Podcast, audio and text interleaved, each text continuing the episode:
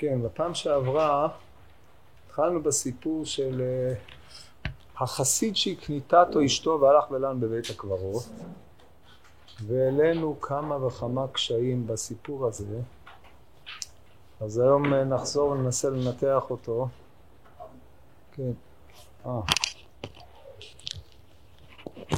כן. נראה מה אפשר להעלות ההקשר, כמו שאמרתי בשיעור הקודם, ההקשר של הסיפור הזה בבבלי ובתוספתא, ובעבוד רבי נתן שונה לחלוטין.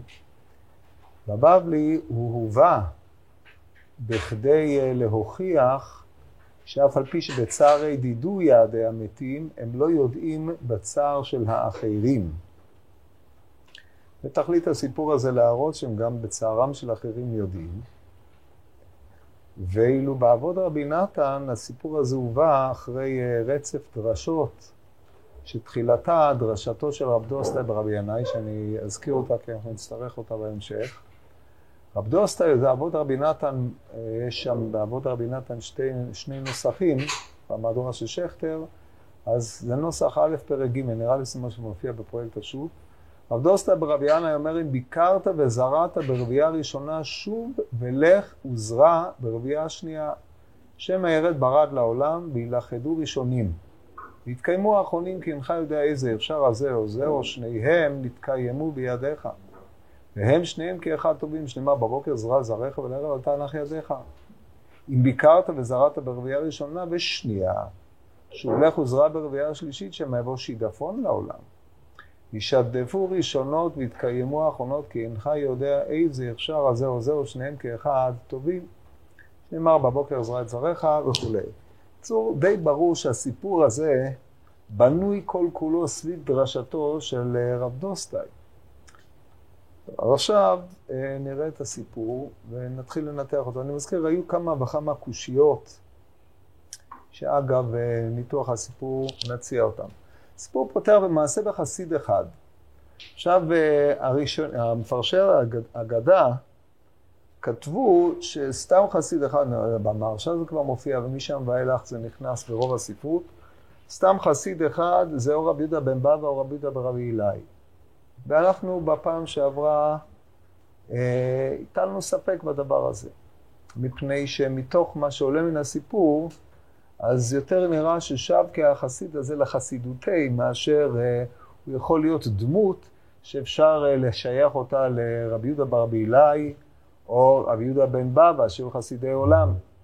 ובאמת, המונח חסיד אחד, או מעשה בחסיד אחד, הוא מונח שמופיע בכמה וכמה מקומות ברוחב הספרות התלמודית והמדרשים, ומוכח מתוכו שזה לאו דווקא רבי יהודה בר אילאי או רבי יהודה בן בבא, ולכן, אה, ואנחנו נראה גם מתוך הסיפור שזה לא סביר, אבל על כל פנים אנחנו נניח שזה לא.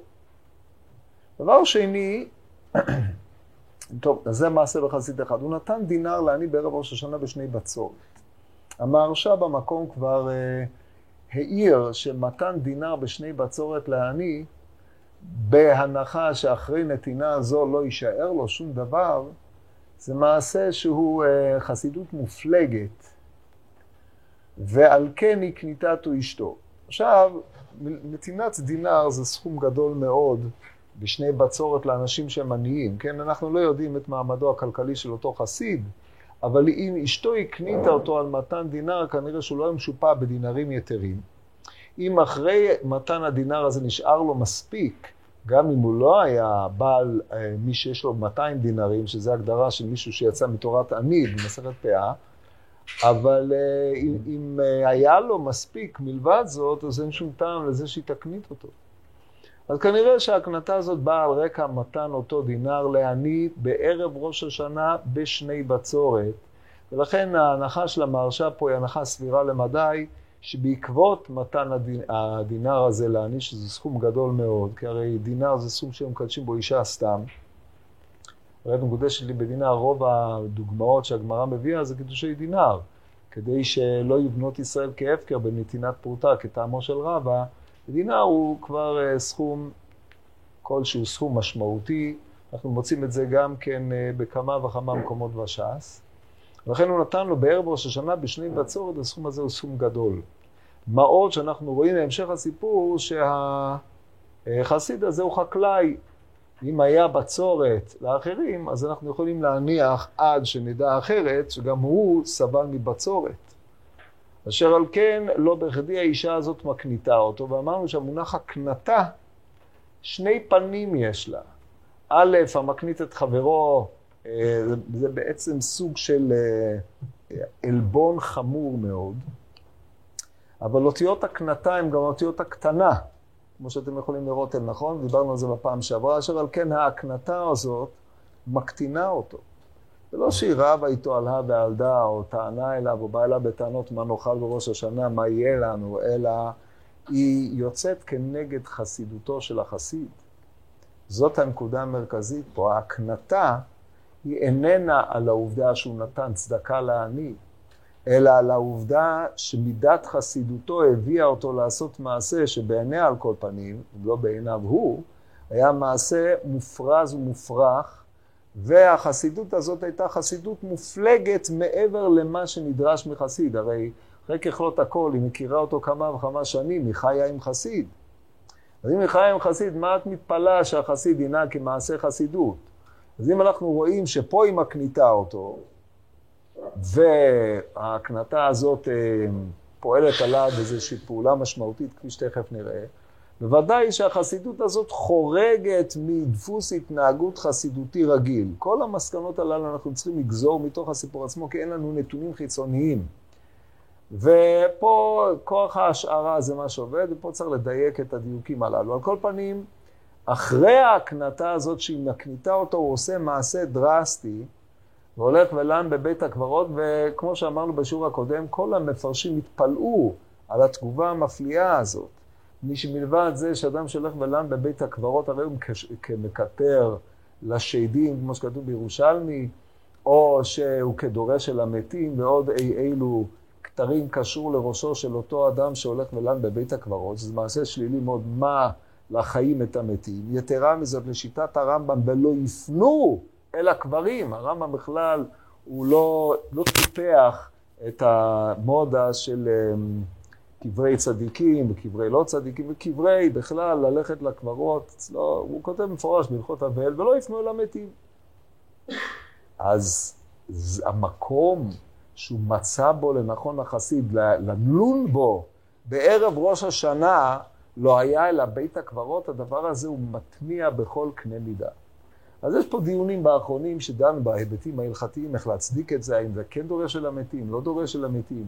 יש כאלה שהפליגו, אה, לא, לא מהאחרונים, כי זו טענה מופלגת, אבל אה, אחרים, מי שניתחו את הסיפור הזה, שהוא הלך לבית הקברות בשביל לשמוע את הרוחות הללו. כביכול החסיד ידע מראש שכשהוא יגיע לבית הקברות, יישמעו רוחות שזה טענת הבל, אבל אה, אנחנו חייבים לשלול אותה.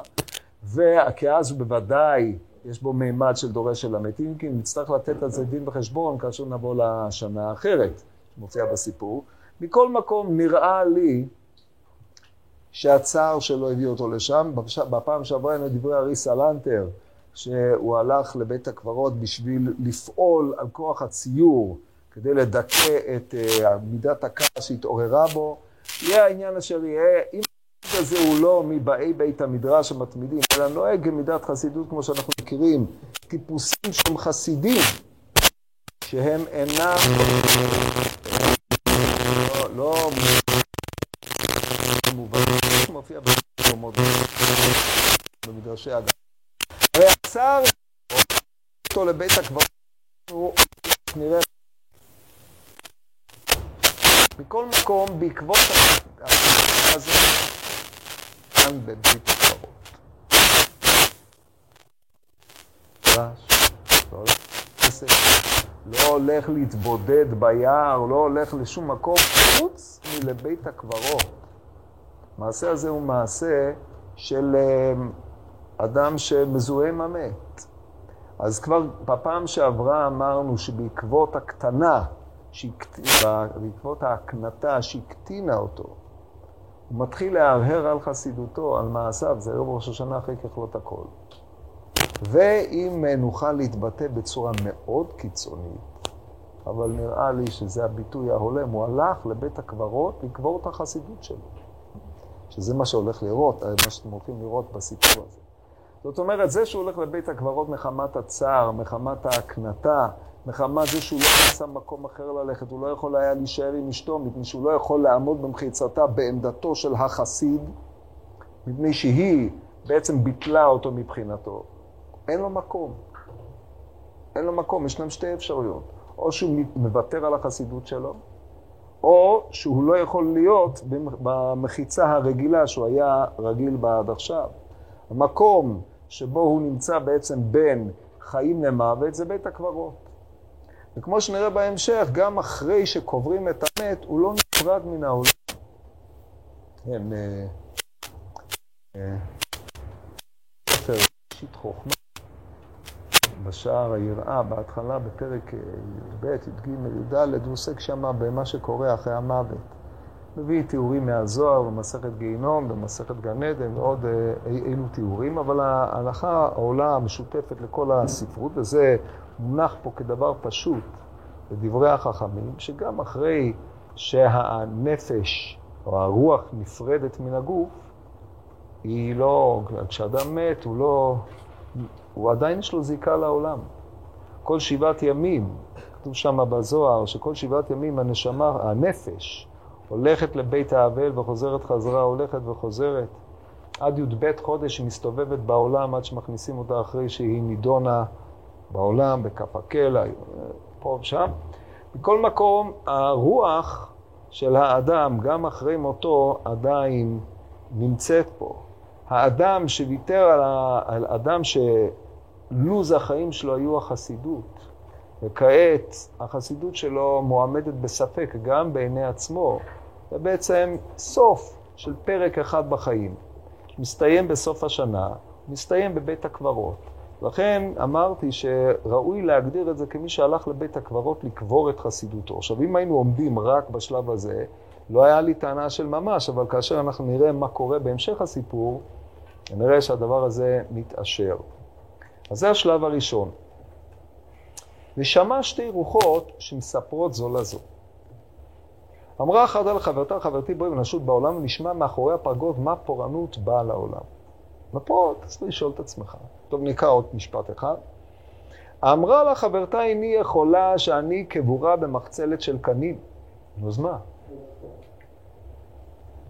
ממתי רוח לא יכולה לעבור דרך החורים שבמחצלת הקנים, ולא מה, מה, מה זה קשור אם את קבורה במחצלת של קנים, או את קבורה באופן אחר, קבורה בארון קבורה, או קבורה באיזשהו אופן, מה, מה זה חשוב? הדבר הזה מפליא. אני קבורה במחצלת של קנים, אלא לכי את, ומה שאת שומעת אמרי לי. הלכה ושטה, הוא באה. אז אנחנו צריכים לעצור פה. טוב, נשמע מה, מה נקרא, קודם כל, מה אמרו, אחרי זה נדון בכל הקטע הזה. אמרה לה חברתה, חברתי, מה שמעת מאחורי הפרגוד? כי כמובן הרוח, כאשר היא נמצאת בתוך מחצלת של קנים, היא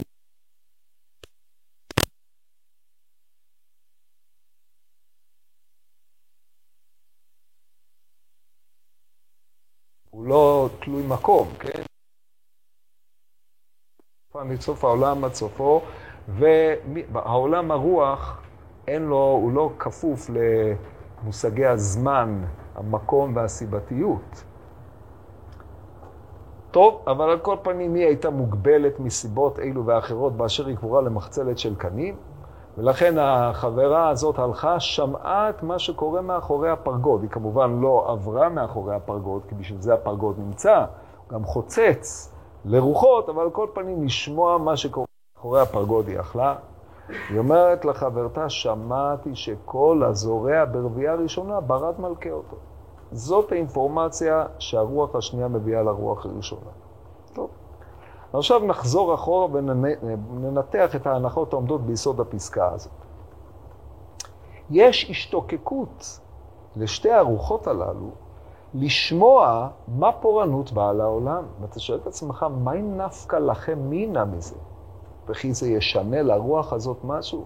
כל עוד היא הייתה בחיים חייתה, יש משמעות רבתי לשאלה מה יהיה בשנה הקרובה, מי ייבחר, מי לא ייבחר, מי יחרוש, מי יזרע, אם יהיה צר, בצורת, אם יהיה רעב וכן הלאה וכיוצא בזה, אבל אחרי שהרוח הזאת סיימה ונתקיים בה מהמתים חופשי, כיוון שמת אדם נעשה חופשי מן המצוות, וחופשי מכל החברה, כמו שאומרים למישהו שהוא מת, פותרים אותו מכל אה, חברה, וכיוצא בזה מטילים את כל הפיק על היורשים, אבל הוא כשלעצמו פטור מכל דבר. מה אכפת לך מה פורענות תבוא לעולם? איזה השפעה יש לדבר הזה עלייך? מה זה משנה? זה מה שיש לרוח להתעסק. עכשיו, אם זה היה חסיד שהיה בא בבית הקברות, הולך לשבת במחיצם של גדולי החסידים שנפטרו קודם לכן, הוא יכול לעלות למטיבתא של מעלה ולשמוע באיזה סוגיה הם עוסקים, או הוא היה שומע מה במטיבתא של מעלה אומרים על הסוגיה שהוא נתון בה. כמו שאומרת הגמרא על רבא, כן, מה נוכח, נוכח רבא בר נחמני, דיהו יחיד בנגעים. אז זה אפשר היה, אבל ללכת לשמוע חסיד שכל עניינו תפוס בסרפי מעלה בעניינים של ההנהגה האלוקית את העולם, זה מה שיש לו לשמוע מהרוחות? מה פורענות באה לעולם? לכן אה, הדבר הזה מעורר אה, תימה גדולה, אם זה היה רבי יהודה בר אילן או רבי יהודה בן בבא. אבל אה, נחזור לרוחות. השאלה היא שאלה נוקבת, היא שאלה של עמדתו של המספר. או היה תן או היה המורה, זה כבר אה, דיון שלא שייך למסגרת שלנו, כי האם הברייתא הזאת היא ברייתא תנאית או ברייתא אמוראית, יש לזה אי אילו השלכות, אבל לגופו של עניין הסיפוק שלעצמו, או המספר כשלעצמו, יש לו עמדה לגבי מעמדם של הרוחות אחרי החיים. מה העמדה שלו? גם אדם אחרי מותו, בפרט עם, אה, לפי מה שרש"י כותב, אלה היו שתי נערות או שתי ריבות שמתו בצעירותן, גם אחרי מותו הרוח הזאת עדיין מתעניינת במה שקורה בעולם, למרות שאין לזה שום השלכה על, על הרוח, כלום. היא גם לא יכולה לעשות עם האינפורמציה הזאת שום דבר. בסדר, יהיה כך שאת יודעת שכל הזורע ברבייה ראשונה ברד למלכה אותו. אז זרעו ברבייה הראשונה כל העולם וערד הלקה אותם. ומה עכשיו? הלכת והשתטחת לפני כיסא הכבוד והתחננת שזה לא יהיה? לא. כי הרי ממילא שמעת את זה מאחורי הפרגוד, את קולטת אינפורמציה בלבד. מה זה אומר על עמדתם של הרוחות האלה? מה זה אומר על, על ההתעניינות של האדם אחרי המוות? אדם אחרי המוות, או הרוחות הללו אחרי המוות מתעניינות כביכול, הן היו משתוקקות לדעת מה יקרה בעתיד, שזו השתוקקותו של כל אחד. כן, הרי האנשים השקיעו בכל, ב, לאורך כל ההיסטוריה הם אמצעים בלתי, שלא יאומנו כדי לגלות את העתידות. לכל אחד, כל מלך היה מגיד עתידות, אנשים השתמשו בכל אמצעי אפשרי באסטרולוגיה, בכל מיני... הזיות אלה ואחרות כדי לגלות את העתידות. הדבר הזה הוא קלף מנצח. אז הרוחות הללו זכו מתן מה שהם לא זכו בחייהם. אלא שבאופן אירוני, כאשר הם זוכים לזה, אין לזה שום משמעות. זה בעצם ההבל הגדול שיש לאדם, שלא רק, אחרי, לא רק בחייו הוא לא יוכל לדעת את העתיד, אלא כאשר הוא יוכל לדעת את העתיד, אין שום ערך לידיעה הזאת. אבל האדם, כמו שבחייו הוא רודף אחרי דברים חסרי ערך, גם במותו, מי שרדף בחייו אחרי דברים חסרי ערך, הוא ממשיך במותו לרדוף אחרי חסרי, דברים חסרי ערך. הרוח הזאת, או מה שמאפיין את שתי הרוחות הללו, זה בעצם מה שהעסיק אותם בחייהם. התעסקות בדבר שאין לו שום ערך. או כמאמר החכם, הבל הבלים אמר קהלת, הבל הבלים הכל הבל. גם כאשר נתנו לך את מה שהשתוקקת כל ימיך, נתנו לך אותו בזמן שאתה לא יכול לעשות איתו כלום. זה לא טרגדי? טרגדי. עכשיו, זה אפיונם של הרוחות הללו, אלא שלא למזלן או כן למזלן, מסיבות אלו ואחרות, נקלע לשם החסיד.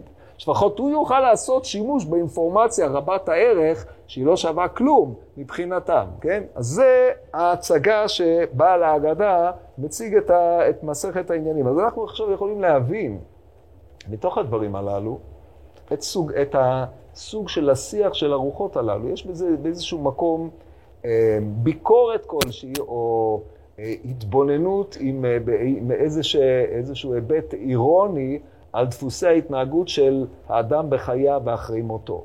אלא שפה אנחנו מגיעים לנקודה יותר עמוקה. כמו שאמרנו בשיעור הקודם, אם החסיד לא היה בא לבית הקברות, הרוחות גם לא היו מספרות זו לזו.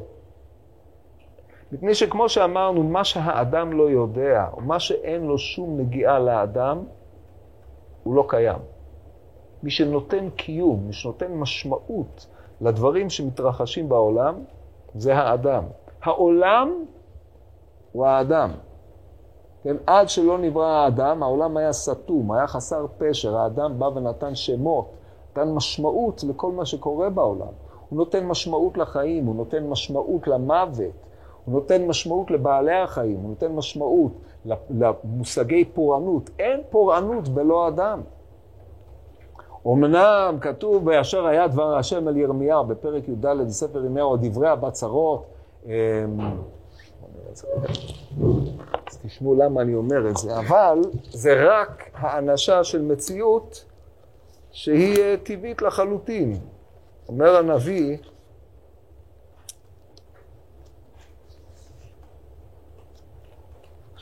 י"ד אמרנו, כן? עוולה יהודה ושעריה אומללו וכולי, אחרי זה כתוב, ובעבור האדמה אחת כי לא היה גשם בארץ, בושו איכרים חפו ראשם.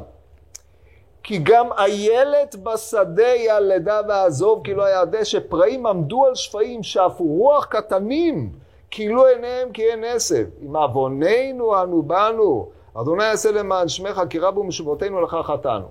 בעלי החיים סובלים מבצורת. אבל איזה משמעות הם נותנים לדבר הזה? זה לא שונה מאשר עדר האיילים לא נותן משמעות לעובדה שאריה יטרוף חלק מהם. או ששפנים חייבים שיהיה מישהו שיטרוף אותם כדי שלא יתרבו ויאבדו את האיזון העולמי, כן, למי שמכיר את דרכי האיזון של הטבע. בעלי החיים לא נותנים משמעות לעולם. מי שנותן משמעות לחיים, או כמו שכתוב בפסוק עצמו, זה האדם. לעוונותיו, זכויותיו, ההתייחסות שלו, ההשגחה האלוקית. דרך האלוקית, העניינים הללו, האדם הוא העולם, לכן האדם נקרא עולם קטן. או האנושות בכללותה היא זו שנתנה פשר לעולם. אשר על כן הרוחות הללו לא הולכות לשמוע מה שיש מאחורי הפרגוד, אחרי שהצענו את התיאוריה על אדם אחרי המוות, כל זה בכפוף לעובדה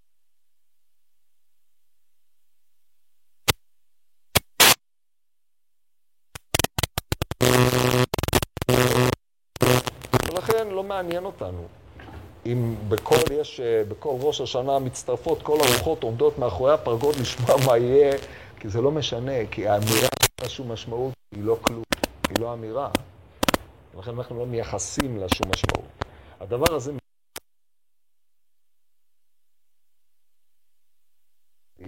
הרוחות הללו ההולכות אה, לשמוע מאחורי הפרגוד אינם אלא משקפות אי אילו הלכי רוח בחסיד עצמו. זאת אומרת, החסיד הולך לבית הקברות, לא שאין שם איזשהו יסוד ריאלי, כי הרי מוכרח מהסיפור, שהגמרא למדת מזה מה שהיא לומדת, כן? על צערם של המתים, ידיעת המתים ממה שקורה עם החיים. אבל אחרי ככלות הכל, שמא משמיעים לו לאדם, או אדם נותן פשר להלך הרוחות שבבית הקברות, לפי איזשהו עניין, או מראים לו לאדם, איזה שיח שיש שם, מפני שהדבר הזה רלוונטי רק בגלל שהוא נמצא שם. ולפי המצב שהוא. אם הוא היה חסיד כמו רבי יהודה בר אלי או רבי יהודה בן בבא והם היו בבית הקברות, הם היו משמיעים לו עניינים, זמירות אחרות מעולמות עליונים. זמירות שמענו, פרי לצדיק, כן, מכנף ארץ, זמירות שמענו, כמו שאומר הנביא. לא היה שומע את הדברים האלה, מה פורענות באה לעולם. אז הדבר הזה הוא בעצם משקף באיזשהו אופן את עמדתו של החסיד. עכשיו אנחנו ננתח לעומק את המשמעות של מה פורענות באה לעולם. מהי העמדה העומדת ביסוד התפיסה הזאת? האם זאת פורענות באמת או לא? אבל לפני זה אני חייב לומר על המחיצה של קנימה, שיש בצלח פה על אתר, והוא בא בספרות אה, מאוחרת יותר אחריו. משמעות של אה, היותה קבורה במחצלת של קנים, כי הרי בשנה האחרת הרוח הראשונה לא זכרה שהיא הייתה במחצלת של קנים. יש פה איזה תימה על הדבר הזה, צריך לתת לזה פשר. על כל פנים, מה שנראה לי, הם, אז דיברו על זה שלא היו תכריכים, אז קברו אותם במחצלת של קנים. הדבר הזה, אחרי בקשת המחילה, נראה לי מופרך לחלוטין. אם אתם יודעים מה זה מחצלת של קנים, זה הרי משנה במסכת סוכה בסוף פרק כמה, משנה במסכת כלים ועוד כמה מקומות. מחצלת של קנים זה מחצלת שהיו יושבים עליה. לא היה להם אה, כיסאות, שולחנות, פורס מחצלת ויושב עליה. יש מחצלת לישיבה, יש מחצלת לסיכוך. אני, יש לי מחצלת למטה, מחצלת למעלה, זה מה שיש. מי קובר במחצלת של קנים? מה? הרי יש לה בגדים, הרי לא הלכה ערומה אותה ריבה. אז מה פתאום? אז ההשערה שלי, כן, כיוון ששערי השערה לא ננעלו, אז גם אני יכול לשער השערה. מה שקרה זה מאוד פשוט, וזה חשוב מאוד להמשך.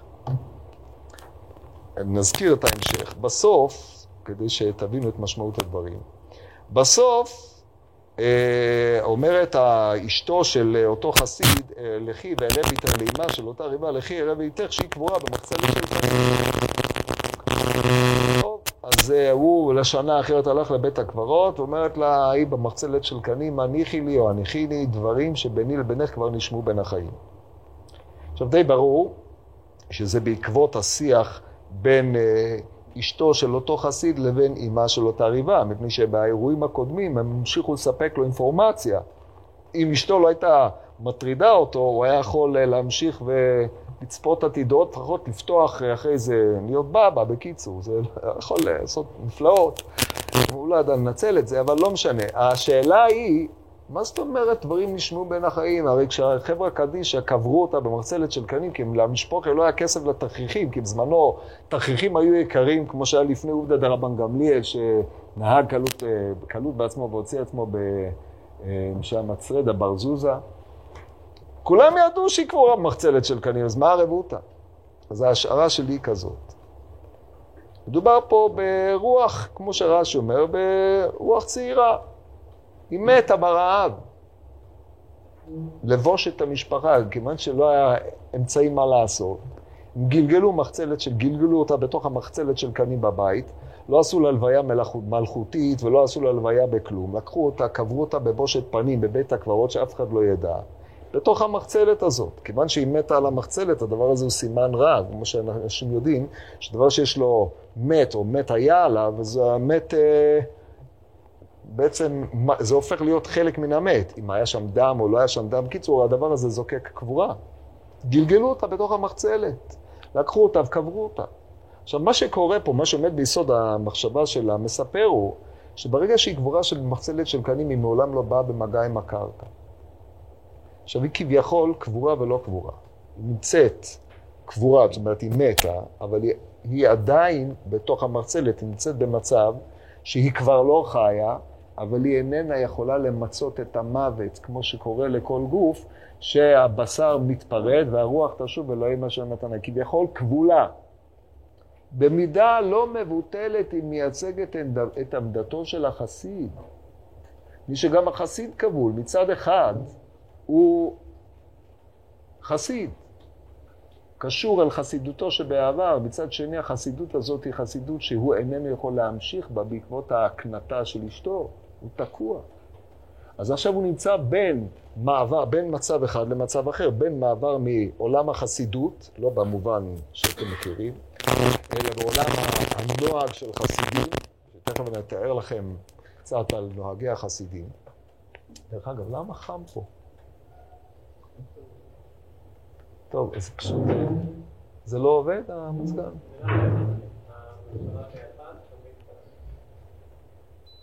טוב, תודה. אמ, זה עוד יהיה עוד יותר חם. טוב, בקיצור, אמ, אז הוא גם כן באיזשהו מקום כבול. הוא כבול, הוא תקוע. הוא צריך משהו שישחרר אותו, איזה רוח שתוציא אותו מהעמדה שהוא כבול בה. לכן לא בכדי אמרתי ששתי הרוחות הללו הם באיזשהו מקום תשקיף למצב הנפשי שלו, וזה מה שמשמיעים לו לאדם.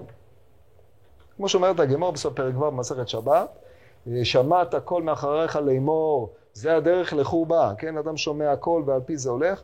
פה השמיעו לו משהו שהוא בעצם משקף את העמדה שלו. אז זאת הפרשנות שהוא נותן בהיותו בבית הקברות למה שקורה עם הרוחות הללו. טוב, עכשיו בואו נבחן את הפורענות הזאת שבאה לעולם. כן.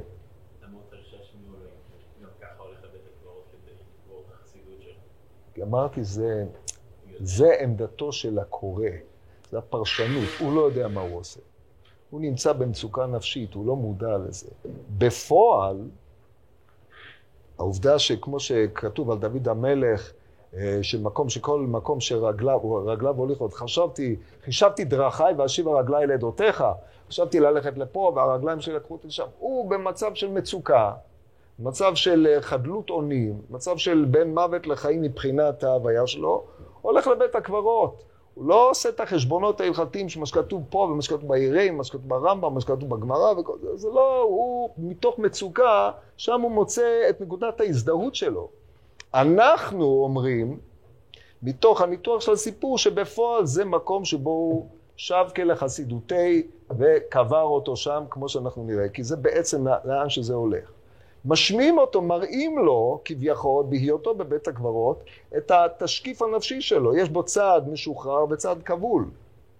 מה עושה עם זה? עכשיו אנחנו ננתח את הפורענות שבאה לעולם. אז כמו שהתחלנו לומר קודם, טוב, לפני זה אני צריך, אה, נתתי לכם בשיעור ההגדה, בשיעורים הקודמים הסברתי לכם על החסיד, דמות החסיד בהגדה. כן, יש מאמר של גד בן עמי צרפתי בתרביץ, לא זוכר, תשכ"ו, אני לא, זוכר, על דמות החסיד. החסיד, ככה הוא טוען, הוא בעצם הממשיך של הנביא. הוא לא חי, הוא לא כבול לחוקים הרגילים. די לכם בעובדא דרבי חנינא בר דוסא, רבי נחס בן יאיר, ו... נחום איש גמזו, או אה, רבי חנין, אה, אמרנו את זה, או חנן הנכבה ואבא חילקיה ועוד אה, אילו דמויות, החסיד הכפר אימי, חסידים שמופיעים בירושלמי במסכת תענית. כל האנשים הללו, הם לא חיים לפי הריתמוס הרגיל, הם לא כפופים לחוקי העולם ההווייתי הרגיל, הם לא כופפים את עצמם בפני ההגבלות. כשדיברנו בסיפור על רב שמעון בן חלפתא, הוא עוד פעם דמות של חסיד קלאסי. הוא לא כפוף לדברים האלה. הזיקה בינו לבין השם יתברר זה קו פתוח, כמו שאומר רבי יוחנן בן זכר לבחנינא בן דוסה, אני כשר לפני המלך, הוא כעבד לפני המלך, נכנס ויועצה בלא רשות. זה עמדתו של החסיד.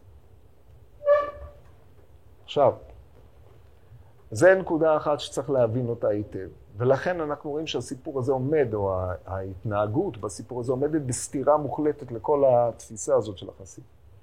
הדבר השני, כמו שהתחלתי לומר קודם, שאיפותיהם של בני האדם תמיד היה לדעת את העתידות. ידיעת העתיד היא זו שפותחת בפני האדם את האפשרות איך להתכונן מפני הפורענות הבאה, עלינו לרעה או לא. כן? הידיעה של העתיד נותנת לך יתרון על האחר, כמו שאתה משחק, אם אתה יותר, אתה משחק עם מישהו שח, אתה צופה יותר צעדים קדימה, אתה יודע מה הוא יעשה, אתה יודע איך לתקוע אותו. וזה גם כן בידיעת העתיד, אתה יודע איך אה, להתארגן. אלא מה? שהקדוש ברוך הוא, כדי להעמיד את האדם בבחירה, נעל בפניו את ידיעת העתיד. אז האנשים ניסו להעמיד אה, תחליפים בעולנים וקוסמים ישמעו, ואתה לא כן נתן לך השם אלוהיך, נביא מקרבך, מקרב אחיך, הקים לך כמוני, אליו תשמעו. כשאין נביא, אז האדם מלמד על הדפוסים הנכונים של מה שהוא צריך לעשות על ידי החכם, חכמי התורה, שרואים בתורה או בדברי הנביאים מה הם צריכים לעשות. אבל העתיד סתום בפני האדום, האדם, זה הפרגוד, המחיצה, שיש בין העליונים לתחתונים שהיא איננה ניתנת לסילוק. והדבר הזה, מה שמביא אותנו לידי זה, שאו שאתה מתעלם ממה שיבוא בעתיד, זאת אומרת, אם אתה לא יכול לדעת, אז מבחינתך הדרך היחידה שלך לצפות את העתיד זה על פי העבר, דהיינו, אתה מסתכל על מה שהיה בעבר ואתה משתמש בשיקולי אינדוקציה, אם זה היה כך וכך, אז גם בעתיד זה יהיה, ואז אתה מנסה להתגבר על חסר ידיעת העתיד על ידי שימוש בשיקולי דעת, טבע ודברים מעין אלה, או שאתה בוטח בהשם יתברך, שכל מה שיביא עליך, יביא עליך לטובה, בבחינת מה שאמר רש"י על הפרשה, תמים תהיה עם השם אלוקיך, יתהלך אליו בתמימות ותצפה לו, או אל, אל, תצ, אל תצפה לעתידו, תתהלך אליו בתמימות ותצפה לו, ואז תהיה עמו ולחלקו. מבחינת ההולך תמים, דובר צדק ודובר אמת בלבבו הולך. מבחינת התמים, העתיד זה רק ברכה. לא, כל מה שהקדוש ברוך הוא מביא לו לאדם זה רק לטובתו.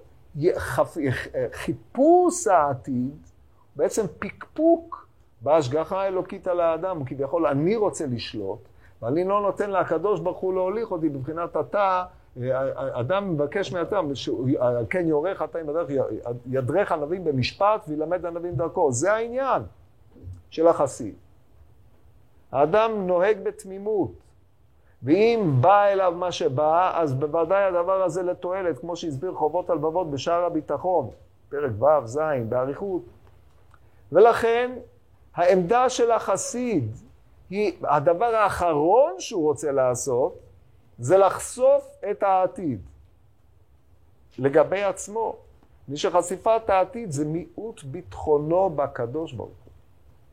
זה מיעוט הביטחון בעניין, בעובדה שהקדוש ברוך הוא מוליך אותו, מביא אותו למה שהוא צריך. וכביכול הוא נוטש את זה ומחפש אמצעים אחרים שהם לא תלויים במה שבית דין של מעלה יעשו.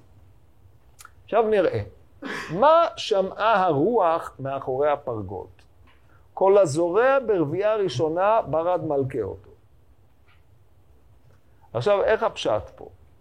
אומרת, זה הרי יכול להיות שאף אחד לא יזרע ברביעה הראשונה. אז הברד לא ילקה. מה שאנחנו יודעים בפשטות, שירד ברד אחרי הרביעה הראשונה, או ירד ברד כך שזרעים ברביעה הראשונה יולקו. אם לא יהיו שם זרעים, או אם החברה הזאת הופכת להיות חברת הייטק, ירד ברד, אז הם היו צריכים לדעת שהם צריכים להצטייד במעיל או דברים כאלה, תלוי כמובן בחומר הברד, אבל על כל פנים, מבחינתם המעשה הזה הוא מעשה טבעי, ברד יורד, זה, זה פחות או יותר אה, תחילת החורף, קצת לפני תחילת החורף, טוב. אז זה הקדים וירד ברד, אז מה? ירידת ברד כשלעצמה היא לא פורענות, זה לא מדובר בברד מצרים פה. ולכן, רק בגלל שאנשים זורעים ברביעה הראשונה, אז הברד הזה הופך להיות פורענות. האם אפשר להינצל מן הפורענות? אנחנו הרי פללים כל יום, או אומרים כל יום, קוראים כל יום בפרשת והיה עם שמוע. שאם אנחנו נעשה את מצוות השם וכולי וכולי, נתתי גשמיכם בעיטם, או מה שכתוב שם בכל הברכות, שהאדם ידע להסתדר עם אה, הטבע הרגיל, ועל אף שירד ברד, ירד גשם, התבואה שלו תסתדר, הוא יהיה לו מה לאכול, יהיה לו הכל, יהיה לו בשפע. האם זה אומר שירד ברד ואף על פי כן זה לא ילקה את התבואה שלו? שזו חשיבה נאיבית וחסרת היגיון, או שהוא לא יזרע במקום ש... בקיצור, יהיה לו מספיק תבונה, או מן השמיים יסייעו אותו לא לזרוע בזמן שאמור להיות כך. הוא לא יודע למה, אבל אה, כמו נשברה, לטובתי נשברה רגל פרתי, האגדה המפורסמת. קיצור, ככה הקדוש ברוך הוא משגיח על חסידיו, כמו שהרמב"ם במורה בפרקי ההשגחה, בסוף, לא בהשגחה, סוף המורה בג' נ"א, נ"ב שם, מסביר את הדברים האלה. כן, או בנ"א. שנכנס לו רעיון לא לעלות על הספינה שכולם עלו עליה וטבעו ודברים מעין אלה. וככה הקדוש ברוך הוא מנהל את עולמו, למי שדבק בו באמת, ובוודאי ובוודאי לחסיד. אף על פי כן, החסיד הזה שומע את האינפורמציה שכל הזורע ברבייה הראשונה ברד מלכה אותו. זה מה שהשמיעו לו. עכשיו יש לו שתי אפשרויות.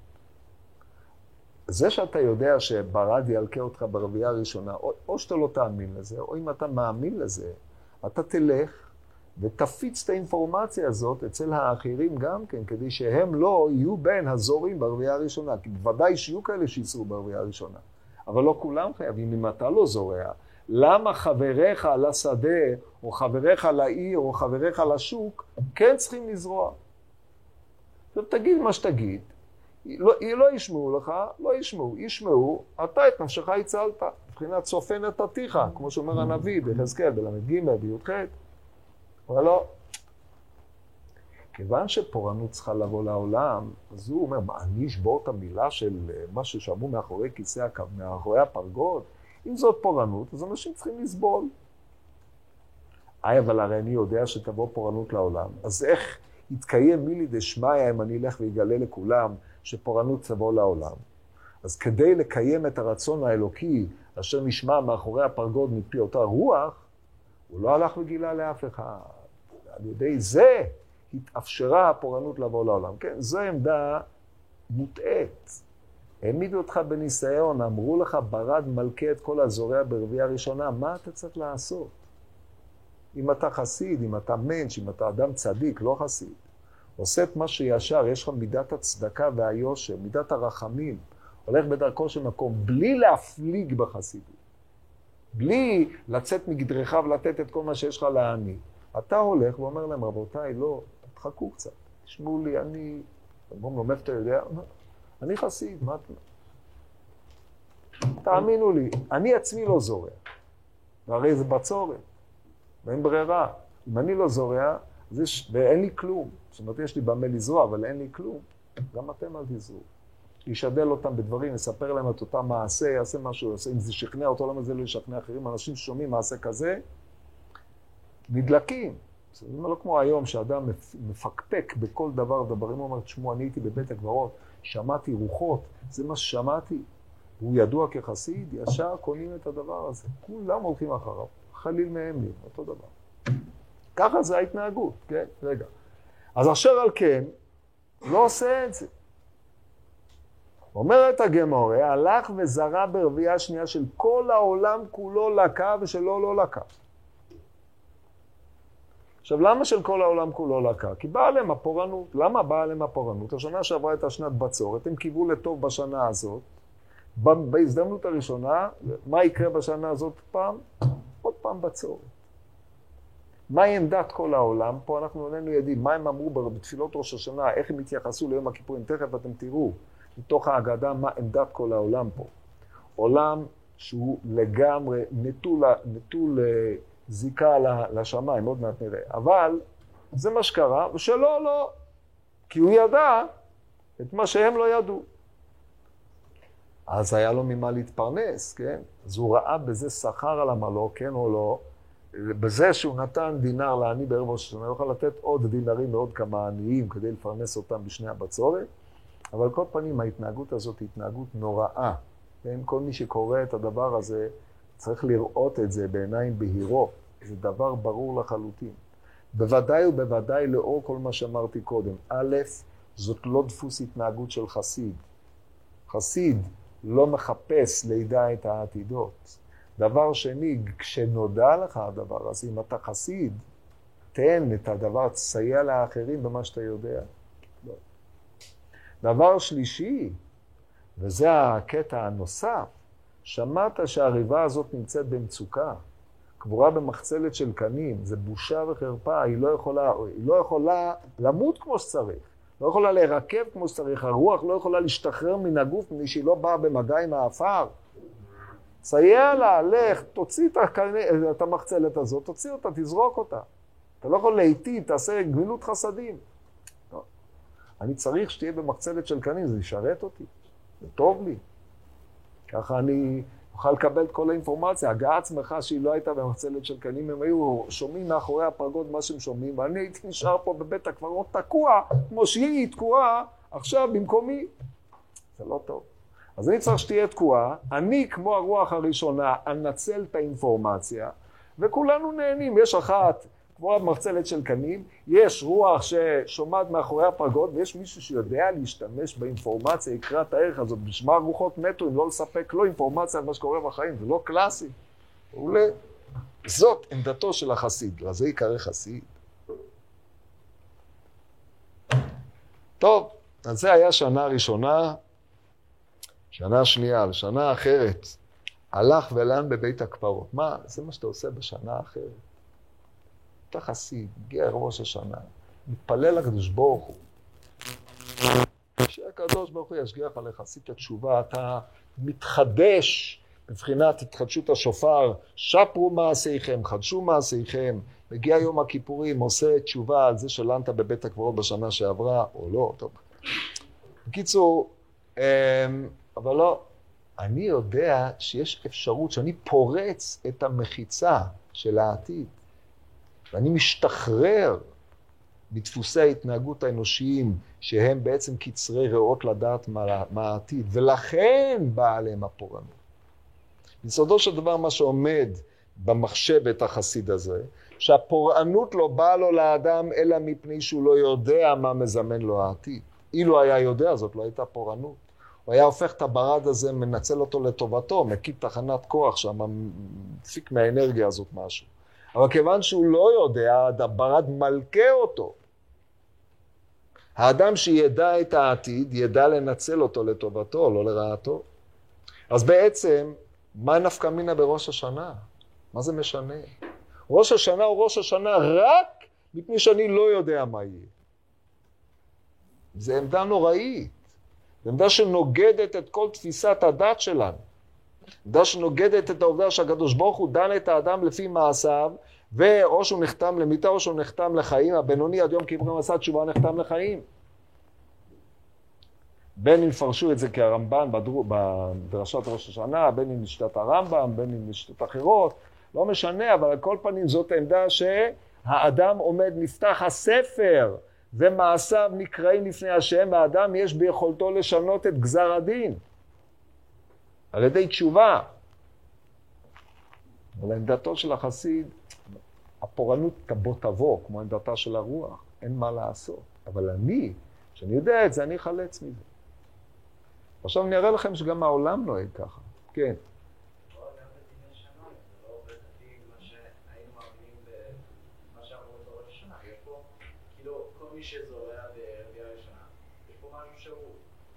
מה, אתה שואל, מה, מה, איך אני אמור להתייחס לאמירה הזאת? זו אמירה, שאלה, מה, מה, ת, תסביר מה אתה רוצה.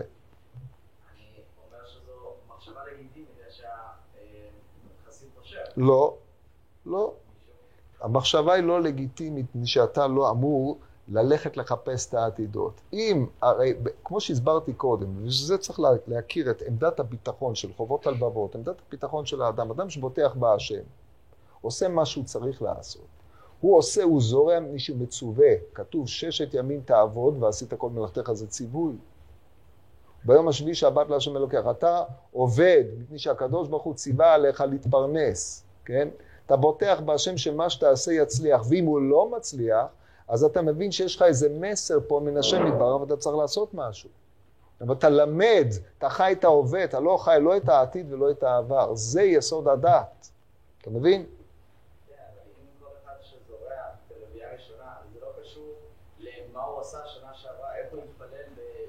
אז בשביל זה מה אמרתי? מה אמרתי?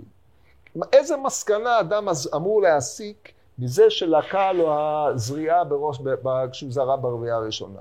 האדם הדתי. פשפש במעשיו, לא ככה. מה צריך לפשפש במעשיו? אם הוא היה יודע מראש שכל מי שיורד ברד מלכה אותו, אז הוא מפשפש במעשיו, הוא פשוט צריך לפשפש בעתידות ולדעת איך אני אדע את העתיד, נכון? זו עמדה אחרת לחלוטין. מה היחס שלו לשמיים? היחס שלו לשמיים הוא שיש שם, מערכת הטבע היא קצת יותר מורחבת, אנחנו פשוט לא רואים. יש בשאלה, במאמר מוסגר, כי אני לא רוצה להאריך בזה, אחת השאלות הגדולות של אה, הפילוסופיה הייתה, האם העולם הוא דיטרמיניסטי או לא? בעברית, היקבעותי. ראינו, האם מה שהזמן, בזמן t כלשהו, הוא קובע באופן מוחלט את מה שיקרה ב-t פלוס דלתא t, כן? זה הגדרת הדיטרמיניזם. מי ששמע על זה... אז היו עמדות שהחזיקו בדיטרמיניזם מוחלט, אין בחירה, לא משנה מה אתה רוצה, גם המחשבות שלך הם חלק מזה. היו מחשבות שהחזיקו במה שקרוי דיטרמיניזם רך, יש אה, אילו הדרגות בעניין הזה, יש מחלוקת בין חכמי ישראל, יש הבדל בין עמדת רב חיסטאי קרסקס לעמדת אה, הרמב"ם, אה, ועוד אי, אילו עניינים. בא פילוסוף צרפתי, מתמטיקאי צרפתי בשם פואנקירי, גאון, שטוב, לא חשוב מה, מתמטיקאי, והוא טען את הטענה הבאה, ברור שזה דטרמיניסטי, אלא סכום הסיבות בזמן T שואף לאינסוף. ולכן בחיים אתה לא יכול לדעת, כי אתה לא יכול לסכם את כל סכום הסיבות.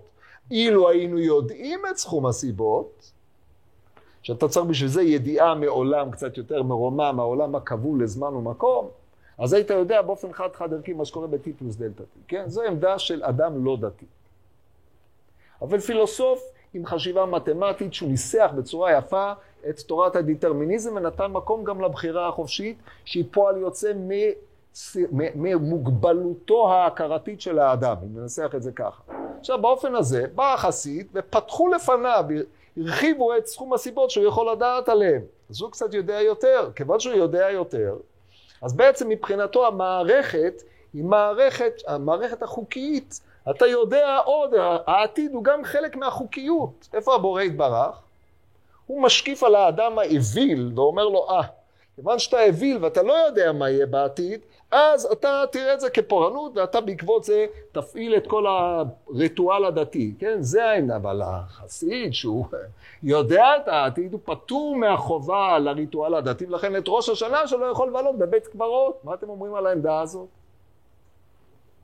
נורא ואיום. אתה מבין מה אני אומר? הראו לו שזאת המציאות, הרי בשביל זה אמרתי. שעד שהוא לא הגיע לבית הקברות, שום שתי רוחות לא הלכו. בשביל זה לא בכדי הדגשתי שיש פה תשקיף של הרוח של האדם עצמו, כן? האדם עצמו, בהיותו בבית הקברות, בלי להיכנס לשאלה אם זה היה בחלום או לא בחלום, לא משנה.